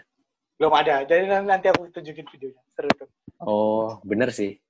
Kalau ternyata bakterinya ada di feses, Ah. ambil aja bakterinya orang pinter, taruh di orang yang butuh gitu ya. Taruh yang orang butuh. Oh, jangan-jangan jangan-jangan pinter tuh juga si bakteri gitu. Jadi orang tuh kalau perilaku aja diatur bakteri, bagaimana dengan intelijensi? Bagaimana dengan kemampuan mengatur emosi gitu? Bagaimana dengan Oke, perilaku orang rajin apa enggak gitu. Hmm. Jadi kalau pemalas cari tai teman sekelas yang tainya rajin, ambil. Masukin ke pantat kita. oh. Oh, oke oke. Ini sih kalau yang aku sebut orang-orang permukaan tadi mendengerin kita ngomong nih, dia langsung, ah ilmu yang aku nggak tahu, kafir. Kali gitu ya. Kan dari Allah nih gitu. Wah, keren keren keren. Udah. Ini udah boleh di stop recording apa masih mau apa lagi? Mas Tiko capek? Enggak sih. Aku kan besok Oke, ada lah. mudik maksudnya. Ah, Hmm. masih lah, dikit lagi lah. Kalau di sana jam berapa ini jam segini? Setengah 12. Oh. Beda berapa jam sih? Di sini setengah sebelas sih. Sejam. Oh, udah sejam. Wah, Oh, berarti sama Tapi- sama Wita dong ya? sama. Oh ya. Keren sih. Sebelum aku memulai ngobrol sama Mas Tiko, aku udah feeling kayaknya yang salah satunya yang bakal asik perihal itu tadi sih, ideologi tadi ya. Oh iya. iya. Iya, iya. Karena memang malah kita kagum loh kalau orang bisa membuat sebuah habit, membuat sebuah statement, padahal dia nggak punya alasan yang kuat, bahkan nggak ada alasannya gitu loh. Bisa sampai dia berani ngomong tuh malah kagum sih kalau aku ngeliatnya ya. Aneh. Gantian aku yang nanya boleh nggak? Apa nih? Tentang kehidupan berumah tangga gimana? Kalau bagiku sama aja sih kayak pacaran. Senang, bahagia. Kan aku- aku- untuk Bahagia. aku yang belum nih. Bahagia. Bahagia. Karena Ada nggak? kan, Apa? karena kan aku pacarannya udah dari 2014 nih mas. Mm-mm. Jadi kan masa-masa penyesuaian, masa-masa berantem, masa-masa kok kamu gini sih, kok kamu gini sih gitu. Masa-masa riwahnya udah dulu waktu pacaran kan. Jadi ketika udah beberapa tahun udah nyambung, udah ini nikah, orang tua orang tuanya istri menyuruh nikah, ah, oke lah, ya udah jalan nikah, ya udah biasa aja sih. Karena udah nyambung sih. Ya, Adi Jadi- pernah punya pacar sebelum Yuni nggak sih? Punya banyak Bagaimana gini? Bagaimana taunya ini orangnya nih? Sudah nih berhenti di sini. Ini orang yang benar gitu. malahan oh bukan taunya ya karena udah lewat tuh masa-masa berantemnya tuh karena kan gini nih kalau sama orang yang tidak tepat aku bakal misal jadian nih terus romantis tapi terus habis itu berantem dar nggak cocok harus pisah nih udah Ah. jadi kurvanya dari asik terus jadi berantem terus dar hancur gitu Ah. pisah. Nah, kalau sama Yuni kan dari kenal, set, tuh berantem, terus oke ketemu-ketemu gini-gini penyelesaian-penyelesaian, bisa balik lagi. Jadi ketika Oh. berantem, kan nggak putus tuh. Berarti ini udah cocok nih. Jadi tandanya adalah ketika berantem tidak lompat ke kesimpulan bahwa oh kita nggak bisa nih gitu. Malah ada usaha untuk memperbaiki bagaimana melihat ini sebuah masalah supaya ber- ada solusi dan tidak terjadi lagi begitu. Iya, bukannya tidak terjadi. Oh, ya sih benar. Jadi dengan orang yang salah berantem itu akan nggak ketemu jawabannya. Tapi dengan Yuni tetap berantem juga, tapi jawabannya ketemu gitu. Oh. Dengan seperti itu, aku memutuskan bahwa ini oke okay nih, gitu. Dek Andi percaya dengan kata-kata jodoh berarti?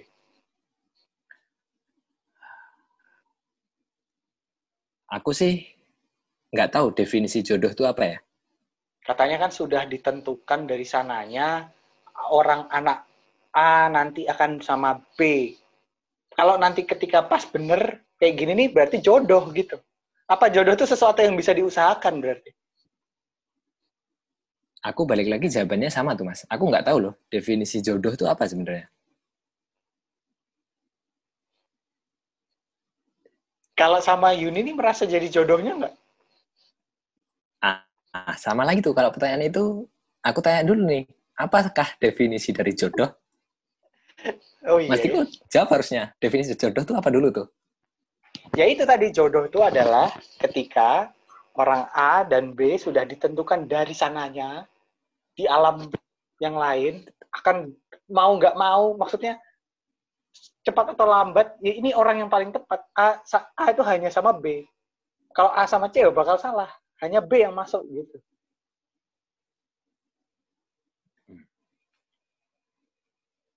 Aku paling gini sih. Menurutku, aku sudah tahu keseluruhan dari Yuni, dan Yuni sudah mengetahui keseluruhan dari aku, sehingga ke depannya nanti sampai ke depannya nanti sudah tergambar sih akan jadi seperti apa dan itu aku nyaman di situ. Paling itu sih jawabannya. Oh. Gitu ya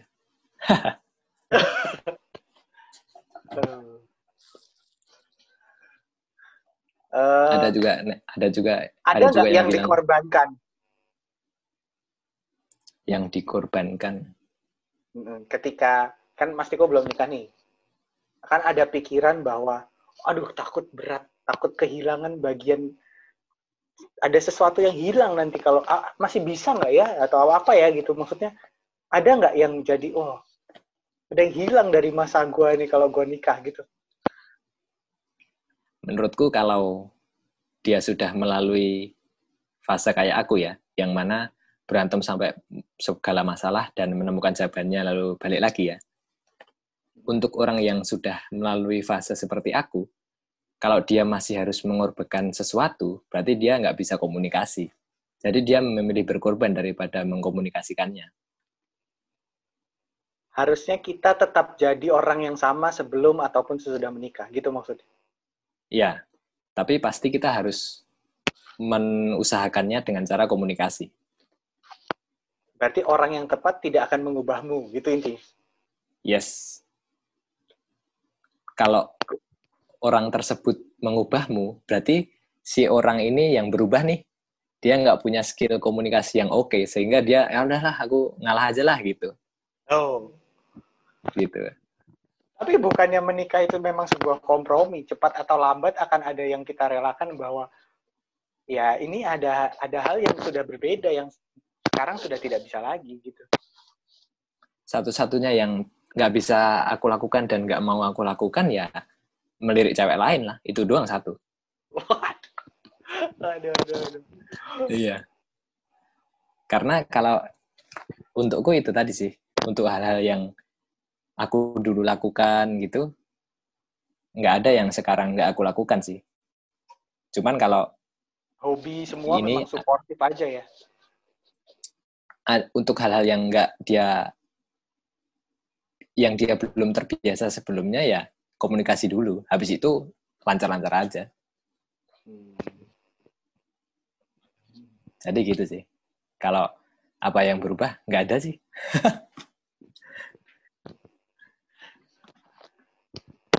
Mas Tiko, ada apakah ada ketak ketakutan nanti kalau aku nikah aku jadi nggak bisa gini gitu?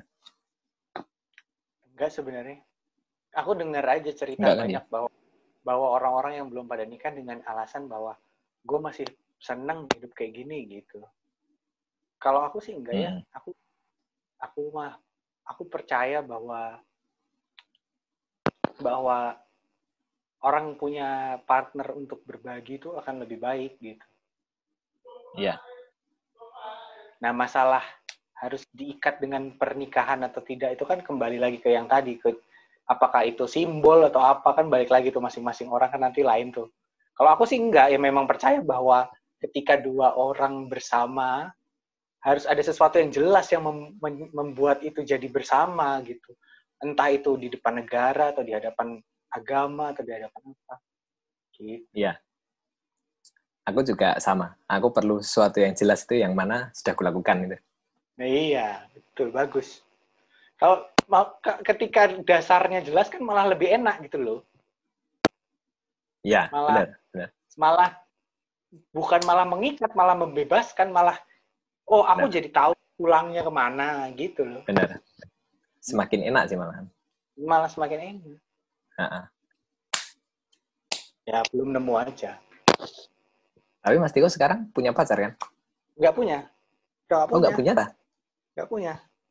Oh, kapan putusnya? Awal pandemi. Maret. Oh. Nggak mungkin balik lagi. Enggak, udah punya pacar baru. Udah pernah putus apa belum sama dia sebelumnya? Wah, udah ratusan kali. Yang kali Ya, ini berarti- beneran. Kayaknya mungkin Enggak. sih kalau gitu. Enggak ya, yang kali ini berbeda. Justru karena ratusan kali itu kan kita tahu setiap putus yang bisa balik tuh modelnya kayak apa gitu. Oh. Selama ratusan kali putus yang sebelumnya, dia nggak pernah punya pacar baru? Pernah, tapi nggak Hmm. pernah. Tapi ada yang berbeda, ada yang berbeda yaitu eh, apa ya kesadaran bahwa emang harus sudah putus gitu. Dulu nggak ada.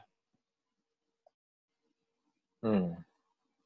Aku kurang yakin sih, karena menurutku putus yang benar-benar nggak bisa balik itu adalah kalau yang udah putus sama kita tuh udah nikah sih. Itu baru valid. Sulit banget buat balik sih.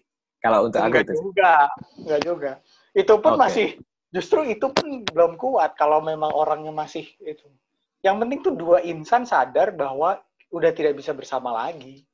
Memang oh kita sampai titik di mana semua kunci udah kita coba, pintunya nggak kebuka-buka, ya udah mas, berarti memang bukan ini. Pintunya sama kuncinya nggak cocok gitu. Kamu cari pintu lain gitu. Oke, oke. Gitu.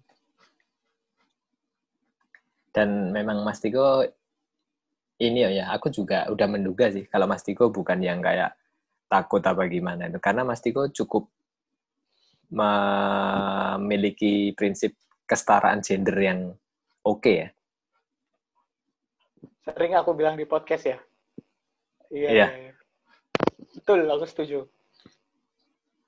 Aku tuh Keren, keren, percaya keren. kesetaraan gender, percaya kebebasan berbicara, Iya. percaya bahwa percaya apa lagi ya tentang tadi ruang publik dan ruang privat. Aku percaya itu tentang kayak misalnya sekarang tuh banyak yang kayak misalnya gini. Kemarin tuh aku habis rame di Twitter, aku terseret-seret eh, sesuatu sebuah konten viral sampai masuk ke Line Today gitu-gitu. Karena ada- terseret ke tuh deh. Iya, aku masuk ke Line Today. Uh, keren. ya nggak keren orang aku jadi penjahatnya justru aku Oh. dimaki-maki orang satu timeline wah semua benci banget sama aku gara-gara ya mungkin ya ada bagian aku juga yang salah kalimatnya salah ada perempuan seorang perempuan yang selama ini me, me apa preach berceramah maksudnya sering me, menggelorakan Menggurui. tentang ya menggurui meng, menguatkan- Menyuarakan. menyuarakan tentang eh, PD harus Hmm. menganggap diri kamu cantik gitu. Oh, Hmm. semua apa kamu tuh pede aja yang penting kamu tuh cantik gitu. Suatu hari dia blunder. Hmm. Dia dia nge-tweet, dia mem- menyampaikan opini tentang dia nggak nyebut nama. Dia bilang bahwa aduh gue males banget lagi nge-gym depan gua pantatnya hitam, pakai celana pendek. eh pakai celana pendek mm, kok pede banget gitu-gitu. Oh, Dia dimaki-maki. Dia dimaki-maki. Aku mengeluarkan kalimat yang seakan-akan membela dia. Aku bilang gini, eh tidak ada yang salah dari kalimat ini. Dia itu nggak nyebut namanya. Hmm. Tidak ada targeted harassment. Oh, Mbak ini yes. atau mention orangnya. Mm. Yang nomor dua, dia tidak merusak haknya si mbaknya. Dia yang ngomong sendiri. Oh, Ya. kayak gitu pede banget mau olahraga. Dia nggak datengin langsung ngapain lu olahraga di sini. Pindah dulu, ya. lu pantat hitam juga. Gitu. No, yang terus yang aku bilang nomor tiga, terlepas dari kontennya tentang moralnya dia bener atau enggak sih punya rasa kayak gitu. Ya. Tweet ini nggak salah, aku bilang gitu Mm. kalau masalah moralnya sebagai seorang perempuan layak sebagai seorang manusia layak nggak sih ngomentarin fisik orang itu lain lagi aku nggak mau bahas Ya. Ya. tapi tentang kita komplain di jalan kamu di jalan ketemu sama di angkot sebelah kamu keteknya bau terus kamu bilang Iya. di tweet ah kesel banget. Sebelah gua berani beraninya naik angkot Iya. tapi bau ketek. Bukan berarti aku ngelarang orang bau ketek naik angkot. Yes, yes, yes. itu komplain aku sendiri. Itu itu ranahnya Iya. buat aku. Kalau kamu tersinggung ya itu kamu tersinggung sama aku. Ya salah kamu gitu loh maksud aku. Iya. dan itu aku terseret-seret tentang itu. Aku dimasukin line today. Wah kacau. Aku dimaki-maki orang ya karena Bener aku sih. tidak punya kesempatan menjelaskan kayak gini ya Mm-mm. Aku juga setuju bahwa si mbak yang nge-tweet itu nggak salah. Karena kan ini dia menggerutu aja kan. Anjir, depanku bokongnya hitam, terus apa gimana nih orangnya burket gini-gini. Tapi kan dia nggak menjelek-jelekan orang itu kan. Nggak disebut namanya Iya. kan. betul gak disebut namanya nggak difoto disebarkan nggak Iya. ngomong langsung Iya, dia menggerutu untuk dirinya sendiri iya, iya. kalau secara Dia- moral harusnya nggak boleh ya lain lagi gitu lain lagi Ya. lain lagi ya salah juga sih dan rumah lain lagi kita nggak bahas tapi mau Ya. menggerutu kan boleh orang itu akun dia kok gitu Ya. Sebenarnya yang dilakukan mbak itu sama aja kayak misal gini. Anjir macet, aduh aku padahal kebelet ee. Ini kok gini banget sih gitu. Sebenarnya sama kan ya? iya sama Iya, iya. Cuma yang orang-orang belain adalah oh kamu tuh nih ada poin dua yang aku nggak setuju. Dia bilang gini kamu itu seleb tweet. Kamu punya audiens yang besar. Harusnya kamu kalau punya audiens besar kamu bertanggung jawab atas apa yang kamu post. Oh nggak setuju aku. Loh yang Iya. menjadikan dia audiensnya besar siapa? Kamu. Iya. yang memfollow dia emang dia minta? Enggak Hmm. kamu Mm-mm. kok kok tiba-tiba punya tanggung jawab kamu ngasih ke dia ya enggak kamu yang tanggung jawab menyaring mana yang mau Ya. kamu contoh kalau kamu punya anak kamu tunjukin nih Yona jangan kalau besar jangan jadi Ya. anak menjadi orang seperti dia atau kamu Ya. batasi jangan nonton dia tapi bukan Ya. dia yang bertanggung jawab bahasanya harus diatur lah atau apa gitu Iya. Orang gue kenapa aku jadi bertanggung jawab atas hidupmu gitu. iya orang Ya lu nggak usah ikut-ikut aku.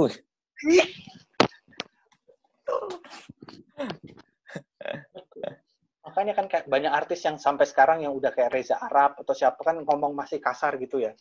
Iya. Ya aku setuju ya kalau bukan tentang oh lu nggak mikirin apa kalau ada anak kecil yang nonton lah. Gua tuh besar menjual ini. Ini brand Hmm. gua. Masa gua mengubah ini gara-gara gua udah besar ya gua naif namanya dong kalau gua udah besar gua tidak jadi kayak gini. Justru justru lu yang nanti jadi orang tua kalau punya anak ya jangan dikasih nonton gua. Mm-mm. Bahkan pun dikasih nonton juga nggak apa-apa sih. Asalkan kita ya pastikan bahwa anak kita paham kenapa orang itu kayak gitu gitu kan. Iya, iya betul. Malah Kalau- menurutku malah menurutku lebih baik anak itu nonton semuanya tapi dia punya pemahaman kenapa ini begini, kenapa ini begini, kenapa ini begini. Iya, betul. Karena kalau misal sikap kita adalah jangan nonton ini, jangan nonton ini, jangan jangan jangan nonton, jangan nonton, akhirnya dia nggak nonton ketika sama kita. Tapi waktu sama temennya dia nonton, dia mendapatkan pemahaman dari temennya yang nggak berkualitas gitu. Iya, betul. betul. betul. Luar biasa.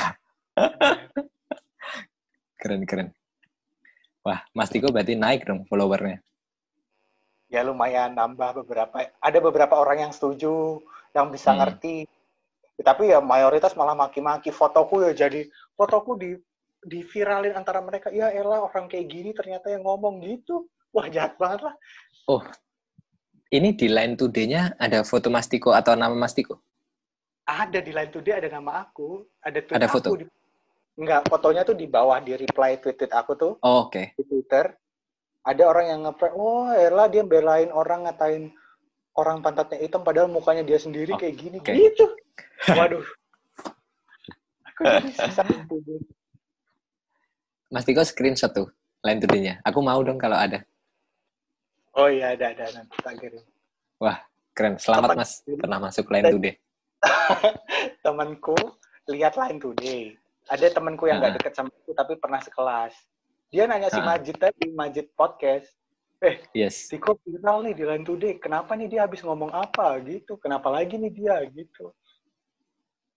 Keren, keren. Selamat, Aku selamat. udah- Walaupun dengan cara yang nggak elegan ya. Iya. Tapi memang tapi memang line today adalah tempatnya berita-berita yang tidak elegan sih. memang. Jadi kalau kita berprestasi nggak akan mungkin masuk line today juga sih. Ah, Jadi itu karena banyak korbannya katanya. Ya aku juga akhirnya tweetnya aku hapus karena ya udahlah gue udah salah juga. Karena katanya banyak orang yang pantatnya hitam terus kan jadi nggak berani nge-gym. hmm. Ya oke. Ya gue juga mau bilang, aku sebenarnya dalam hati aku ya mau bilang ya lu salah, lu nggak boleh kayak gitu dong. Masa lemah banget salah sendiri lu dengerin orang. Kalau lu mau sehat, orang mau bodoh amat ya lu yang kuat teteplah nge-gym. Masa diomongin orang pantat hitam terus jadi nggak mau nge-gym? Atau ya udah pakai celana yang nggak kelihatan atau gimana? Nanti kalau udah seksi, udah nggak hitam atau gimana? Bolehlah. Jadi kan, aduh aku jadi nggak mau. Ya udahlah cuma masa orang lagi susah terus kita suruh itu lagi ya udahlah gua aku udah ngalah aja ya udah ya udah aku hapus akhirnya Itu dia. Sialnya internet di saat ini dan masyarakat saat ini tuh kita jadi harus effort untuk menyamankan orang-orang yang nggak nyampe gitu loh mentalnya. iya Sial banget sih. kenapa harus kita yang mau Iya. Dianya aja yang mentalnya nggak nyampe. Kenapa jadi kita harus membuat dunia yang nyaman untuk dia bisa gitu loh. dan itu palsu Iya, iya. padahal si orang kalaupun oh terus kan gini ya kalau punya pikiran gitu nggak usah diomongin kali. Diem-diem aja. Loh berarti lu malah mendukung dunia yang palsu berarti. Aneh, aneh banget. aneh dong membenarkan orang punya pikiran kayak gitu tapi nggak diomongin. Ya Ah, malah ah. salah nah itu kayaknya orang-orang itu tuh mas, itu adalah anak dari orang tua yang melarang anaknya menonton produk-produk negatif gitu. Jadinya kayak gitu kayak gitu itu. mungkin mungkin Iya, karena dia dia menjadi baik dengan cara nggak ngelihat yang buruk, bukan dengan cara membedakan yang mana baik mana buruk. iya betul Wah, luar biasa. Luar biasa. Aduh, mantap, mantap, mantap. Rekaman aman, Mas? Masih recording nih Udah berapa lama sih? nggak ada jamnya kan nggak ada terlihat itu ya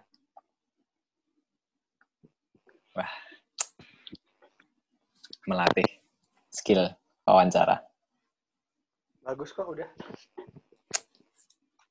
sebenarnya tinggal Moga-moga. tinggal ini emang wawan ngobrol tuh enaknya langsung Benar, benar. Nanti insya Allah yang minggu depan tampil itu, yang minggu depan tayang itu langsung, Mas. oh emang teman di sana Ah, teman di Taiwan. bagus bagus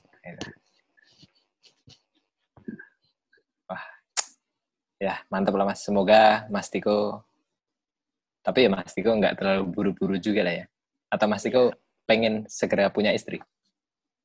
enggak untuk sekarang sekolah dulu aja Iyalah, ha, ya. Aku juga udah menduga sih jawabannya kayak gitu. Untuk orang kayak Mas Tiko sih nggak terlalu urgen ya umur itu ya.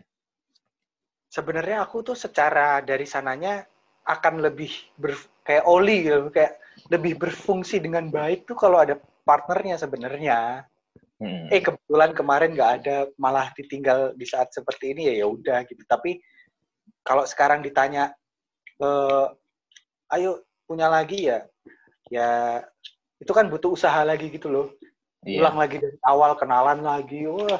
menyesuaikan lagi lah ntar aja lah sekolah dulu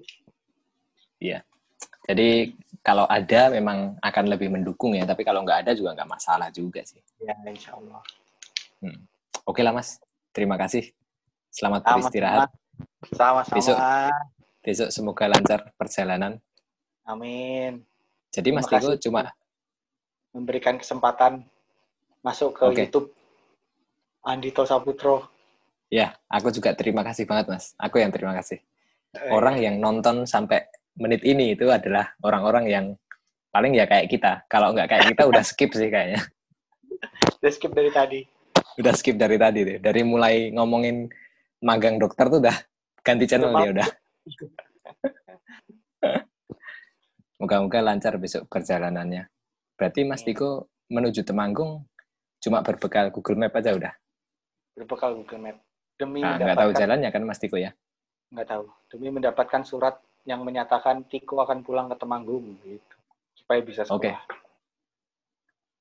Wah, Tiko akan pulang ke Temanggung supaya bisa sekolah. Jadi suratnya ini nanti dari Pak Bupati, insya Allah menyatakan bahwa eh, Tiko sudah bersedia ketika pulang, ketika selesai sekolah kulit nanti untuk pulang ke Temanggung gitu. Itu harus punya tuh kalau mau sekolah spesialis. Oh, oh oke. Waduh, ah, nanti jadi panjang lagi nih. Nanti Iya. episode selanjutnya, episode selanjutnya. Ya. Oke, oke. Semoga lancar. Terus Amin. nanti ini rekamannya gampang lah. Penting Mas Tiko simpen dulu nanti kalau Mas Tiko udah longgar kirim. Oke, Nah, gampang nggak usah buru-buru lah. Aku terima kasih udah direkamin. ya sama-sama. Ya. Terima kasih. Makasih Mas. Assalamualaikum. Waalaikumsalam. Udah, dikat.